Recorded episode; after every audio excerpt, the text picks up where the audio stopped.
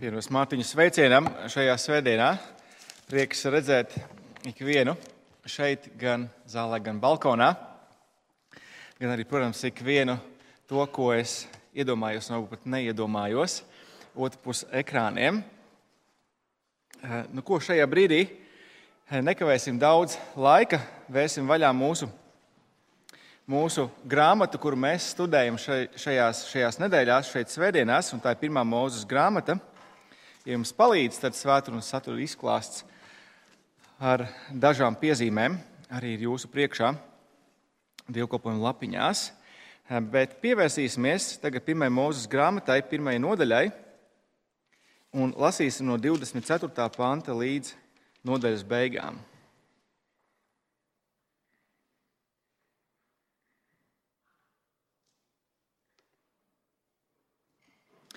Un Dievs teica, lai rodas uz zemes dzīves būtnes, katra pēc sava veida lopi un rāpuļi, un zemes zvēri, katrs pēc sava veida.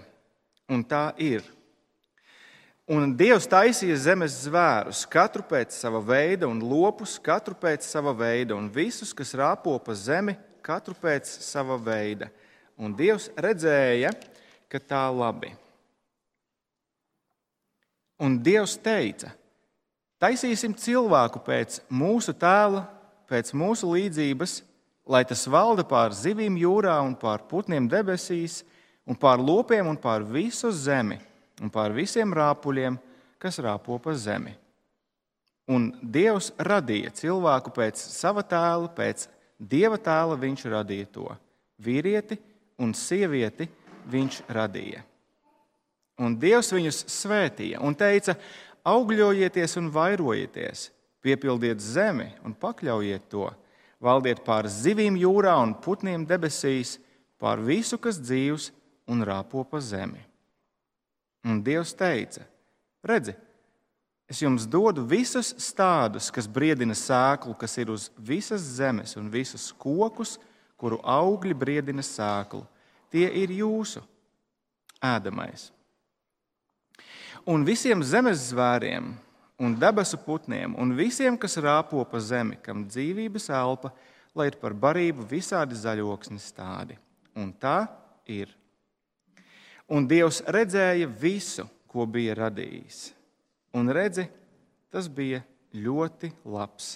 Un bija vakars, un bija rīts, sastā diena. Tas ir kunga vārds, un pirms mēs to pārdomājam, vairāk, ļaujiet, es vadīšu mūs pavisam īsā lūkšanā.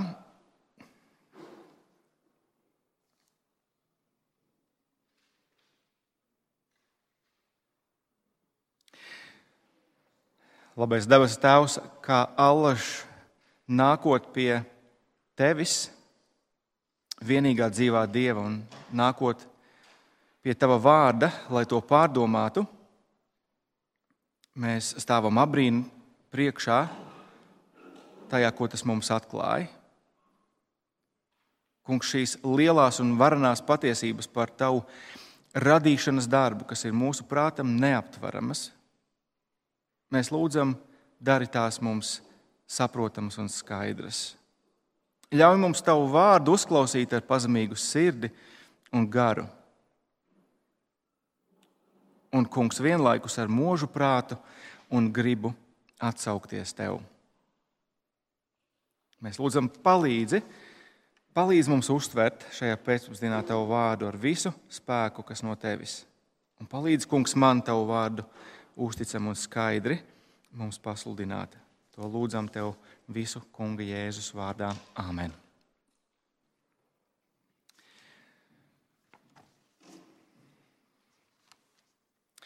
Kas ir, kas ir cilvēks? No kurienes tas ir cēlies?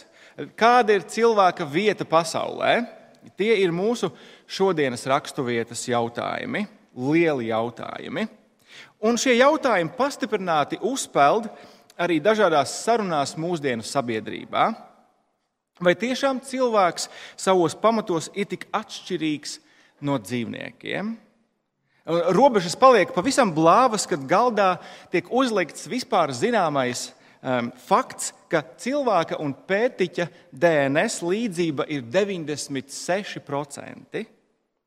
Atceros, kā mani nodarbināja šie jautājumi vēl pirms pirmās bioloģijas stundas. Es skaidri redzēju, ka mamma un tētis un daudzi citi cilvēki man apkārt ir, ir atšķirīgi no pētiķiem Rīgas zooloģiskajā dārzā.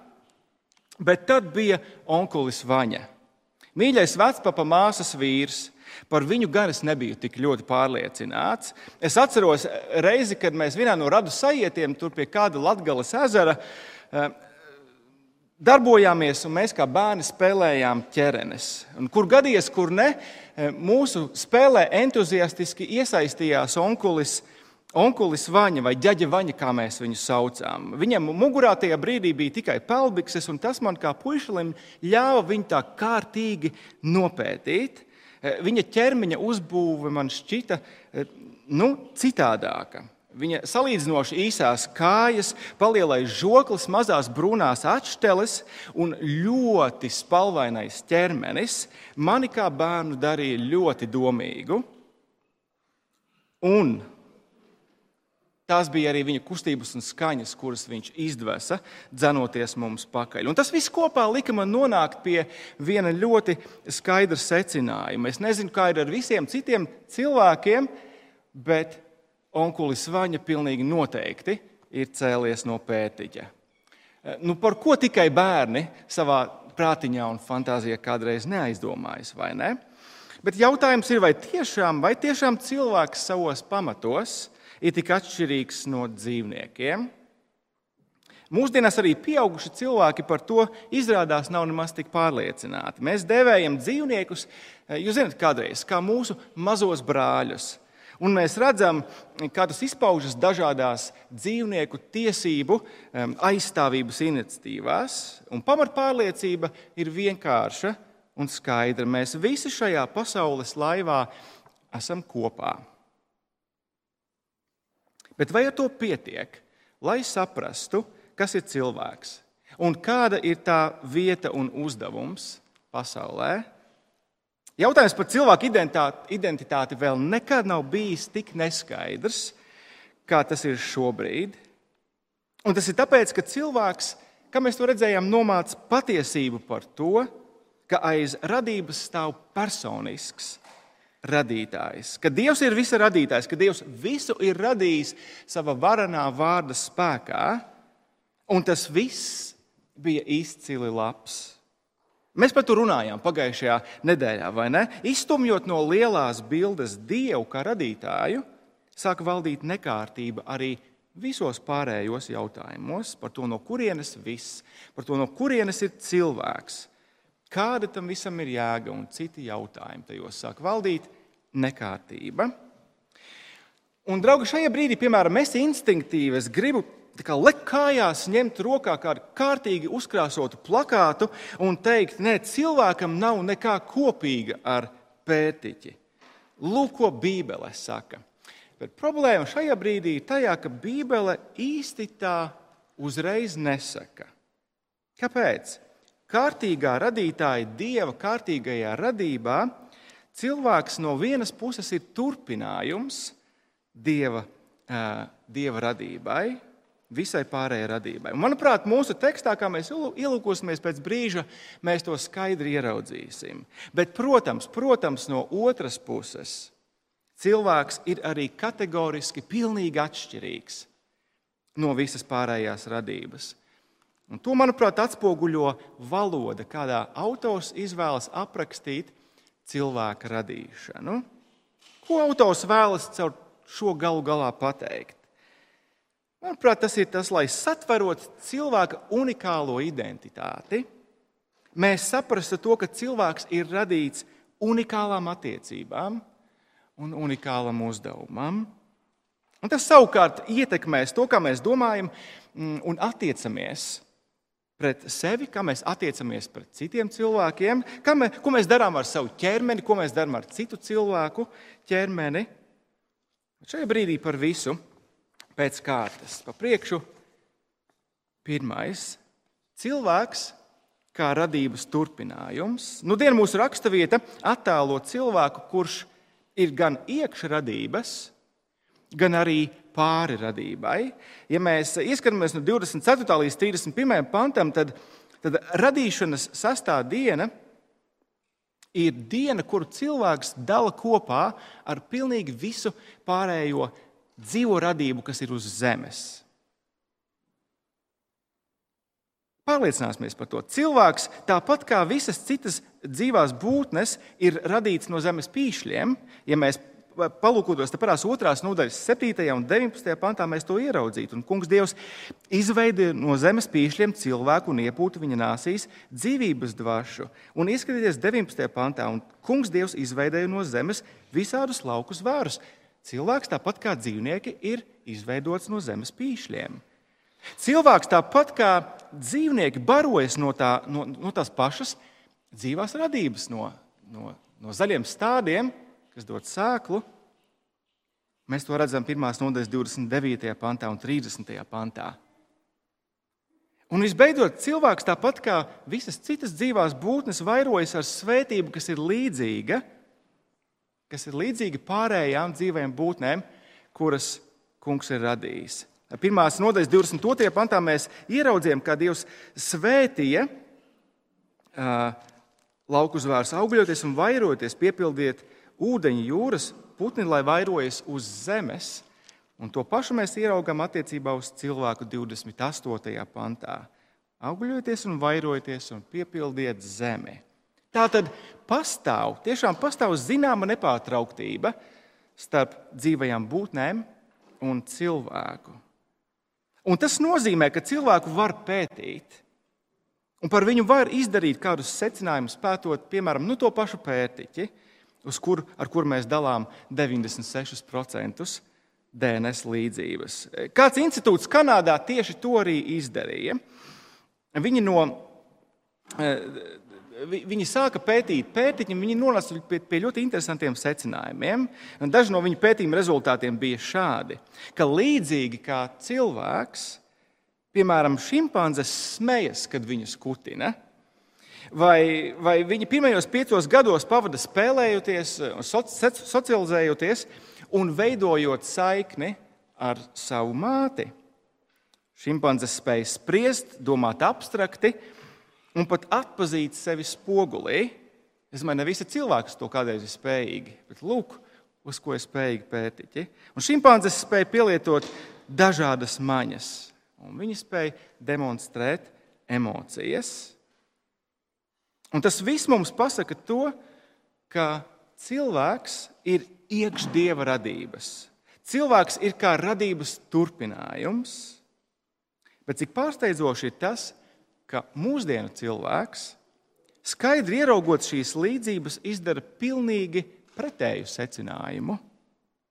Mūsdienu cilvēks ar augsti paceltu galvu pasludina to kā pierādījumu cilvēka izcelsmei no pētiķa. Pētiķis savukārt esot miljoniem gadu laikā attīstījies no vienšūnas organisma. Vai, vai tā nav Vai tā nav pasakainākā teorija, ko jūs jebkad esat dzirdējuši? Bet tas cilvēkiem netraucē pieslēgties šai teorijai, it kā tā būtu universāli apstiprināta patiesība. Šajā nedēļā e, es iesaistījos dažu draugu vecāku WhatsApp sarakstā. Kāda no mamām aprakstīja sava bērna pieredzi skolā. E, drosmīgā meitene pieņem, ka dabas mācības stundā pie pasaules radīšanas teica, ka cilvēku ir radījis Dievs, par ko skolotāja esot pasmējusies. Nu, jūs tagad pasakiet man, kurš ir gudrāks, pirmsskolas vecuma bērns vai pieaudzis cilvēks? Es šajā brīdī gribu īstenībā pateikt dažus vārdus mūsu mazajiem draugiem, kas mums šeit ir klātienē, kas iet skolā, kas domā par šīm lietām. Eh, mazie draugi, jūs esat superīgi drosminieki. Visi, kas esat skolnieki, kas iesaistaties sarunās ar skolotājiem. Un es gribu, lai jūs zinat, ka Jēzus jūs ļoti mīl un viņš, ļoti, viņš ļoti lepojas ar jums par jūsu drosmi runāt pat skolā par patiesību. Un es īstenībā uzskatu, ka tas ir ļoti, ļoti nevienkārši. Tas, ir, tas prasa lielu drosmi, un īpaši lielu drosmi tas prasa tad, kad tādi pieaugušie cilvēki kā skolotāji par to pasmējās. Un tāpēc es gribu, lai jūs atceraties divas lietas. Pirmā, pirmā bez šaubām ir turpiniet cienīt savus skolotājus. Viņi vēl jums labu, viņi grib, lai jūs daudz ko iemācieties, viņi grib, lai jūs esat gudri. Bet jūsu skolotāji nezina visu, ko ir iespējams zināt.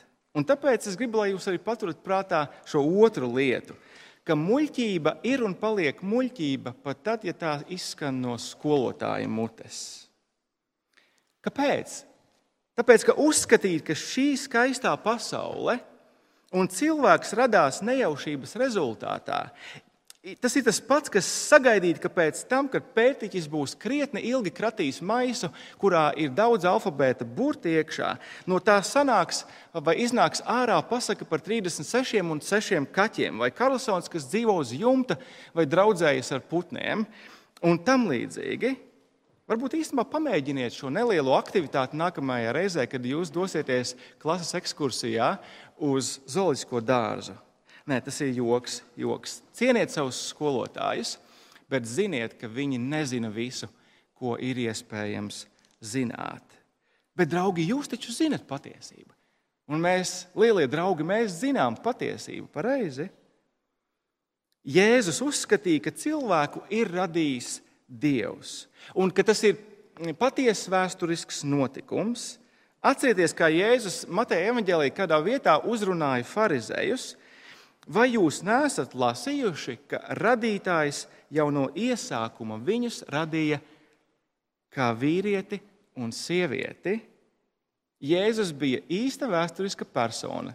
To nu gan neviens nenoliedz. Un viņš uzskatīja, ka Dievs radīja īstus vēsturiskus cilvēkus - Ādamu un Ievu.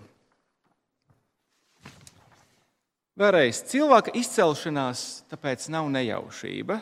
Cilvēku ir radījis Dievs. Cilvēks tāpēc ir iekš Dieva radības un dala ar visu pārējo radību sesto radīšanas dienu. Cilvēks ir Dieva radības turpinājums šajā ziņā, ka ir radīts no zemes pīšļiem, viņš pārtiek no tā paša, no kā pārtiek visas dzīvās radības, un viņš vairojas ar to pašu svētību, kuru Dievs dod visām pārējām dzīvajām būtnēm.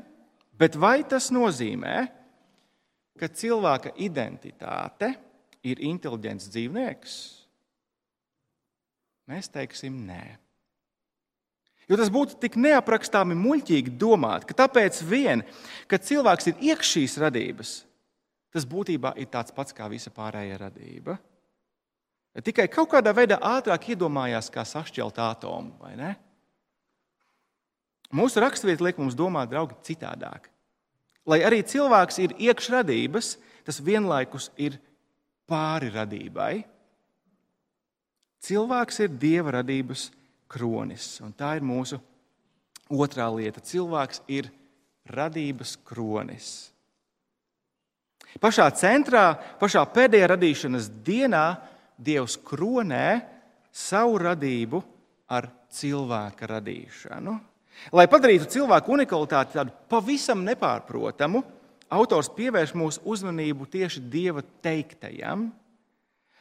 Atcerieties, Dievs strādā runādams, lai mēs zinātu viņa prātu, lai mēs zinātu viņa gribu.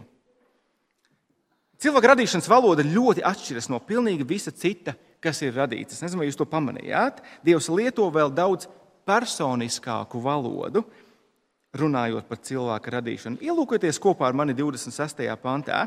Un Dievs teica, taisīsim cilvēku pēc mūsu tēla, pēc mūsu līdzības. Ievērojiet, kāds kontrasts tas ir ar 24. pantu, kad Dievs radīja eh, zemes dzīvās būtnes. Viņš vienkārši teica, lai rodas uz zemes dzīvās būtnes.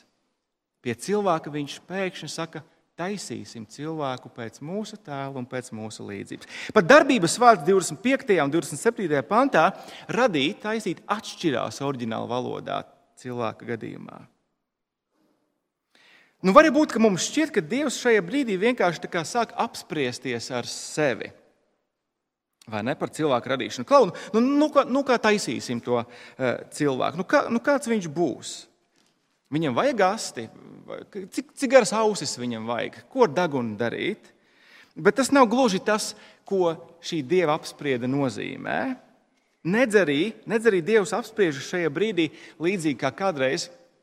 Es nezinu, jūsu omas vai, vai opji mēdz to darīt. Viņi vienkārši skaļi komentē savu rīcību. Nu, tagad pievienosim nedaudz sāli nu, un daudzas citas lietas, um, kuras nāk mums līdzi neizbēgami ar vecumu. Bet, bet tas nav tas, ko Dievs šajā brīdī dara, apspriežoties.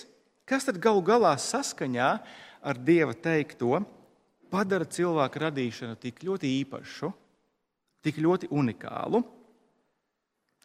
Un tas ir šis, šī atslēga frāze, Dievs radīja cilvēku pēc sava tēla un līdzības. Izskatieties vēlreiz mūsu 26. pantā. Taisīsim cilvēku pēc mūsu tēla, pēc mūsu līdzības. Un 27. pants. Un Dievs radīja cilvēku pēc sava tēla, pēc Dieva tēla viņš radīja to vīrieti un sievieti viņš radīja. Pavisam vienkāršojot, tas nozīmē, ka cilvēks, vīrietis un sieviete ir radīti ar spēju personiskām un tuvām attiecībām. Tāpat kā trīsvienīgais Dievs ir personiskās un tuvās attiecībās savā starpā, taisīsim, taisīsim pēc mūsu tēla un līdzības. Un tāpēc var teikt, ka cilvēka identitātei piemīt šie, šī tāda dialoga daba. Cilvēks ir kaut kas iepratim dievam, un cilvēks ir kaut kas iepratim citiem cilvēkiem. Un šajā ļoti liela nozīme ir tieši valodai. Savu identitāti iepratim dievam cilvēks apzinās, ka dievs uz viņu runāja. Mums ir otrā nodaļa priekšā. Ieskatieties, otrās nodaļas 16. pāntā, nedaudz nočiepšu no, eh, no Mārtiņa teksta, bet ieskatieties 2.16. Un kungs Dievs pavēlēja cilvēkam ēd no visiem dārza kokiem, bet no laba un ļauna atzīšanas koka nē, jo tajā dienā, kad tu, to, tu no tā ēdīsi, tu mirti mirsi. Kas no tā izriet? Cilvēks dzirdēja, Dievu runājam šādi, un viņš saprata, ka persona, kas ar viņu runā, ir autoritātes pozīcijā, ka šai personai ir vara. Ar mani runā radītājs Dievs, kurš valda, kuram ir tiesības noteikt. Savukārt, kad vīrietis un sieviete, kā viņi apzinās savu savstarpēju identitāti, arī, kad Ādams runā, kad viņš runā un apdzied ievu savu sievu. Izskatieties, 2, 23, 24. Šis ir kauls no mana kaula un miesa no manas miesas, tāpēc, lai to sauc par sievu, jo no, tā, jo, jo no vīra tā ņemta. Tāpēc vīrs pametīs savu tēvu un māti un pieķersies savai sievai, un viņi būs viena miesa. Kas no šī izriet? Šajā savā identitātē vīrietis un sieviete ir vienlīdzīgi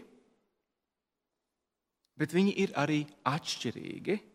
Radīti pēc dieva tēla un līdzības, bet atšķirīgi. Šo atšķirību pieprasa viņiem dotais dieva uzdevums - augļoties, vairoties, piepildīt zemi, pakļaut zemi.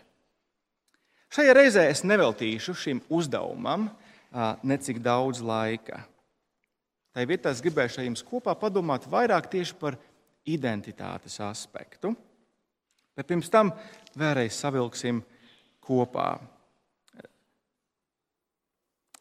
Sastā radīšanas diena mums ir atklājusi, ka cilvēks ir gan iekšradības, gan vienlaikus pāri radībai. No vienas puses cilvēks ir radības turpinājums, bet no otras puses mēs redzam, viņš tiek kronēts pāri visai radībai. Viņš ir atšķirīgs, viņš ir unikāls, radīts personiskām, tuvām attiecībām gan ar savu radītāju, gan arī eh, viens ar otru. Bet šajā brīdī es gribu nedaudz vairāk laika veltīt tieši jautājumam par cilvēka identitāti, par cilvēka vērtību. Jo redziet, no vēstījuma par cilvēka radīšanu var izdarīt vairākus lielus, svarīgus secinājumus. Un pirmais no tiem noteikti ir par cilvēka vērtību. Cilvēkam, kas pēc dieva tēla un līdzības ir radīts, piemīt īpaša vērtība. Jūs iespējams esat dzirdējuši šādu sakāmo, vai ne? Kāpēc mēs tā varam teikt? Jo mēs apzināmies, ka mēs, mēs neesam nejauši no nekurienes radušies, vai ne? Mēs neesam kaut kāda evolūcijas procesa rezultāts. Mēs neesam arī inteliģenti dzīvnieki vienkārši. Mēs apzināmies, ka aiz mūsu eksistences un aiz mūsu visas zemes dzīves stāv personisks radītājs Dievs, kurš ir radījis mūs savam godam, un tāpēc mēs balstoties uz šo varam sev teikt, es esmu īpašs. Mēs varam viens otram teikt, tu esi īpašs, tu esi īpaša.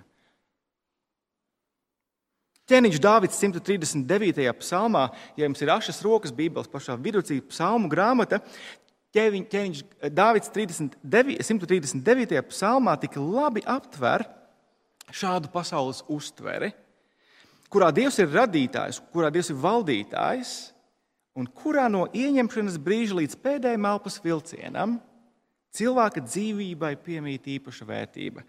Ieklausieties vai ieskatieties 139. psalmā, 13. un 16, līdz 16. pantā. Kā Dāvids runā, tu darināji manas īkstis, tu nopini mani mātes miesās, pateicos tev. Cik es baismi brīnumains, brīnišķīgi tavi darbi, to zinu droši. Mani kauli nebija apslēpti tev, kamēr es klusībā tiku darināts, tiku šūdināts zemes dziļumos Vēl dīglī mani skatīja tavas acis, un tavā grāmatā ierakstītas visas dienas, kas bija sataisītas, pirms klāt kaut viena no tām. Cik Dāvids brīnišķīgi apdzied cilvēka radīšanu, kas piešķir cilvēkam patiesu vērtību Dieva priekšā un uz šīs pasaules. Cilvēkam, kas pēc Dieva tēla un līdzības ir radīts, tam piemīt īpaša vērtība. Un, draugi, tas izriet, no tā izriet, ka cilvēkam piemīt šī īpašā vērtība neatkarīgi no viņa spējām, neatkarīgi no viņa pienesuma. Es nezinu, kā jums, bet iespējams, ka ik viens no jums atceraties šo, šo vienu fiskultūras stundu, kad klasē bija jāsadalās divās komandās. Divi spējīgākie komandas kapteiņi izvēlējās pārējos savā komandā. Un, protams, tas bija no visspējīgākā uz vismazāk spējīgo. Cik sāpīgi ir piedzīvot, ka tevi negrib izvēlēties, jo tev nav vērtības, jo tev nav spēju. Cik to ikreiz ir sāpīgi piedzīvot? Pareizi? Padomāsim, tajā brīdī, kad cilvēks pazaudē šo atskaites punktu un orientieri, kad viņš ir īpaši radīts pēc dieva tēla un līdzības, īstenībā šajā pasaulē iesākās ar to nāves kultūra. Radikāli mainās spēles noteikumi. Izdzīvo stiprākais, izdzīvo gudrākais, izdzīvo prasmīgākais, izdzīvo noderīgākais. Šādi spēles noteikumi ir valdījuši visās kultūrās pasaules vēsturē. Visās kultūrās, kurās cilvēka dzīvībai nepiemīt patiesa vērtība, bet to nosaka viņa dotumi, to nosaka viņa pienesums, to nosaka viņa spējas. Un, draugi, šajā ziņā mēs nevaram teikt, mēs esam īpaši tāpēc, ka mums piemīt kaut kas, kas citiem nav. Šādi mēs nevaram runāt. Un tāpēc, draugi, mēs, mēs, eh, kas sevi saucam par kristiešiem, mēs, mēs iestājamies par cilvēka dzīvības aizsardzību. Neatkarīgi no viņa dotumiem, neatkarīgi no cilvēka pienesuma, ik viens ir vērtīgs un ik viena dzīvība ir aizsargājama. Mēs noraidām patvaļīgus cilvēka dzīvības pārtraukšanas eh, līdzekļus, slepkavību, abortu, eitanāziju. Tam nav vietas Dieva radītā pasaulē saskaņā ar Dieva vērtībām. Vēstījums par cilvēku radīšanu atklāja to, ka Dievs ir izvēlējies cilvēku, un tas ir brīnišķīgi. Viņš ir izvēlējies cilvēku, lai kronētu savu radīšanas darbu. Viņš ir izvēlējies sev vīrieti un sievieti, vienlīdzīgus, bet atšķirīgus Un, draugi, šim cilvēka identitātes aspektam, diviem bioloģiskiem dzimumiem, ir liela nozīme Dieva plānā. Mēs, to, protams, visu nespēsim aptvert šajā pēcpusdienā, bet nedaudz. Tas ir jautājums par cilvēku identitāti. Mēs ieraugām, ka pirmajā mūzes grāmatas pirmajā nodaļā ir definēts cilvēks. To izdara Dievs. Cilvēka identitāte, kā jau minēju, šī identitātes dialoga daba, šo, šo dabu veido ārēji faktori, cilvēka attiecības ar savu radītāju, ja, pēc kura tēla un līdzības cilvēks ir radīts, un cilvēka, vīrieša un sievietes savstarpējās attiecības. Lūk, šie ārējie faktori veido to, kas ir cilvēks. Un mēs saprotam, ka šie aspekti nav nejauši. Šie nav, šie nav, šie nav cilvēka paša izvēle. Pareizi? Tie ir dieva radības kārtības noteikti. Labi. Būtiski dieva dotā uzdevuma īstenošanai. Augļoties, vairoties, piepildīt zemi, pārvaldīt to. Un, draugi, savienība vīrieša un sievietes starpā šī iemesla dēļ ir atzīta par sabiedrības stūrakmeni. Vēl pirms, ja, pirms ja viens likums tika uzrakstīts, sabiedrība atzina to. Un tā tiecās nosargāt šo definīciju. Kā mēs redzējām, diemžēl, izstumjot dievu kārtīgo radītāju no lielās bildes. Cilvēks neizbēgami atmet arī dieva labo kārtību. Specifiski jautājumi par cilvēku identitāti. Mēs jau aizdītā nedēļā pievērsāmies apakšlim Pāvilam vēstulē romiešiem pirmajā nodaļā, bet Pāvils turpina pirmajā nodaļā romiešiem.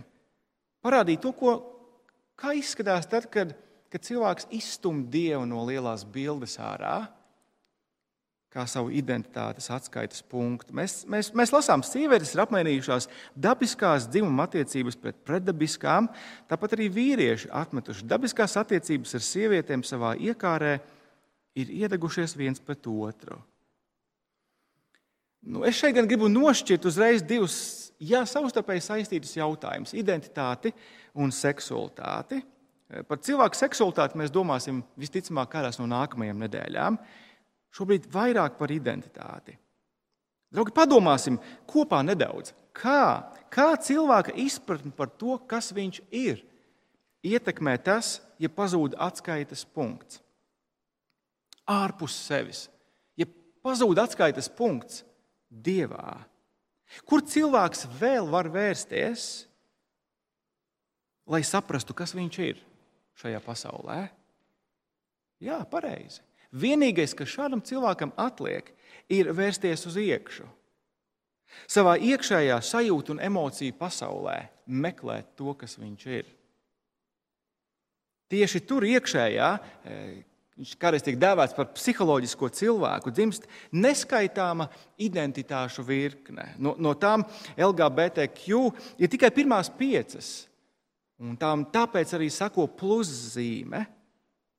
Šī iemesla dēļ arvien vairāk cilvēku izvēlas paziņot kaut ko līdzīgu šim, ka viņi jūtas kā sieviete, kas ir iesprostota vīrieša ķermenī. Te, protams, iesākās draugi vairākas jūtīgas tēmas, kuras pat, pat nav iecerēts aplūkot šajā pēcpusdienā.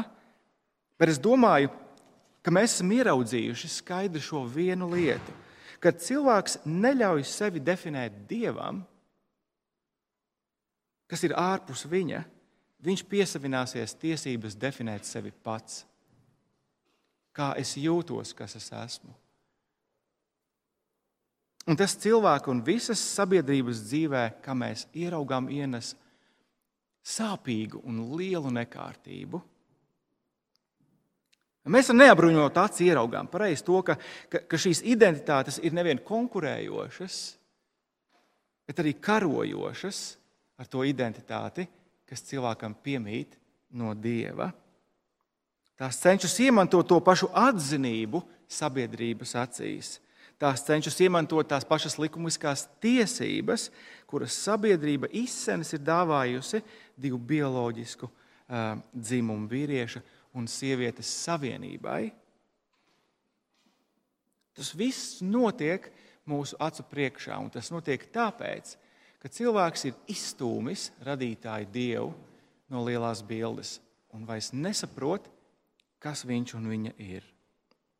Bet, laikam, noslēgumā vissvarīgāk, vissvarīgāk tomēr mums, kā kristiešiem, šodien ir ieraudzīt, ka mūsu identitāti nosaka Kristus. Kristus vienīgais perfektais cilvēks. Viņam ir pilnīgas attiecības ar Dievu. Un viņš parāda savā zemes dzīvē, ko nozīmē būt reālās, pareizās attiecībās arī ar cilvēkiem apkārt. Kā Dieva radīti cilvēki, mēs piedaram gan šīs pasaules radītai kārtībai, gan raksti vēstīja arī jaunajai kārtībai. Mūsu identitāti, ja jums tā patīk, veido Kristus krusts. Ja mēs gan piedzimstam šajā pasaulē, kā, kā cilvēki ar mūsu pirmo pārstāvi Ādamu, Bet tajā brīdī, kad Dievs caur Kristus evaņģēliju izmaina mūsu sirdi, mēs piedzimstam no jauna, mēs piedzimstam kā kristieši šajā pasaulē. Un nu mūsu pārstāvis šajā pasaulē ir Kristus. Tie no jums, kas mēs studējam pirmo vēstuli korintiešiem, 15. nodaļu, jūs noteikti atcaucat atmiņā šo, šo Pāvila iezīmēto saistību un atšķirību, vai ne? 1. korintiešiem 15. Tāpat ir arī rakstīts, ka pirmais cilvēks Ādams kļuva par dzīvu dvēseli. Un arī tie, kas piedzimst, ir dzīvi radījumi šajā pasaulē, bet pēdējais Ādams par dzīvu darītāju garu. Pēdējais Ādams Kristus mums piešķir jaunu identitāti, mūs padara par jaunu radījumu, jaunai pasaulē, jaunai kārtībai Un tāpēc, draugi, noslēdzot, man liekas, tik atbilstoši šķiet šajā vasaras svētku dienā slavēt, slavēt Dievu par viņa gara darbu, caur Kristus vārdu, jo Viņš dāvā mums jaunu identitāti. Mēs tiekam saukti par viņa mīļotajiem bērniem. Mēs varam saukt Dievu par savu abu tēvu. Mēs varam būt skaidrībā gan to, par kas mēs esam šajā pasaulē, kā cilvēki, mēs varam būt skaidrībā un drošībā par to, kas mēs esam, kā Dieva garīgā ģimene. Lai Dievs mums, uz mums to palīdz. Lūksim šajā brīdī.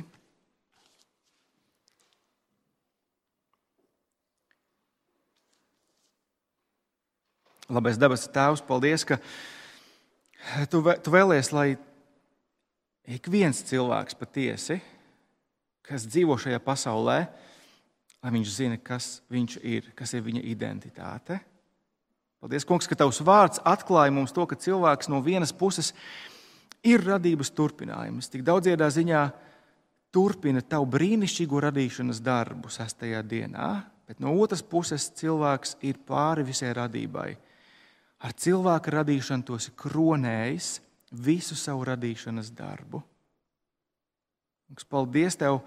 par to, ka mēs varam tāpēc teikt, ka mēs esam brīnišķi, īpaši radīti, kā ķēniņš Dāvids dziedāja. Un kungs tāpēc palīdz mums, esot skaidrībā par savu identitāti, ienest kungs tavu patiesību arī, arī tajās attiecībās, kuras tu mums esi devis šajā pasaulē. Neatkarīgi no mūsu statusa, neatkarīgi no, no tā, kas mēs esam attiecībās ar citiem cilvēkiem. Mēs varam nest tavu patiesības vēsti, ka tu esi brīnišķīgs radītājs un ka cilvēks ir īpašs un ar īpašu vērtību. Tas mēs, mēs priecājamies, mēs, mēs slavējam tevi vēl vairāk par to, ka tu mums Kristu esi dāvājis jaunu īpašu identitāti.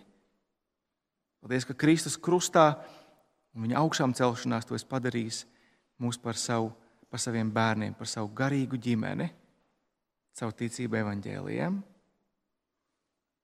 Paldies, Kungs, ka mēs tagad vienlaikus piedaram arī šai brīnišķīgajai jaunajai kārtībai, uz kuru mēs ceram, uz ko mēs gaidām. Un tās mēs lūdzam arī, ka apzinoties šo, mēs varam nest tavu priecīgo vēsti cilvēkiem, kas ir dažādā veidā ir, ir izmisumā un neskaidrībā šajā laikā. To mēs, kungs, lūdzam Jēzus vārdā. Amen.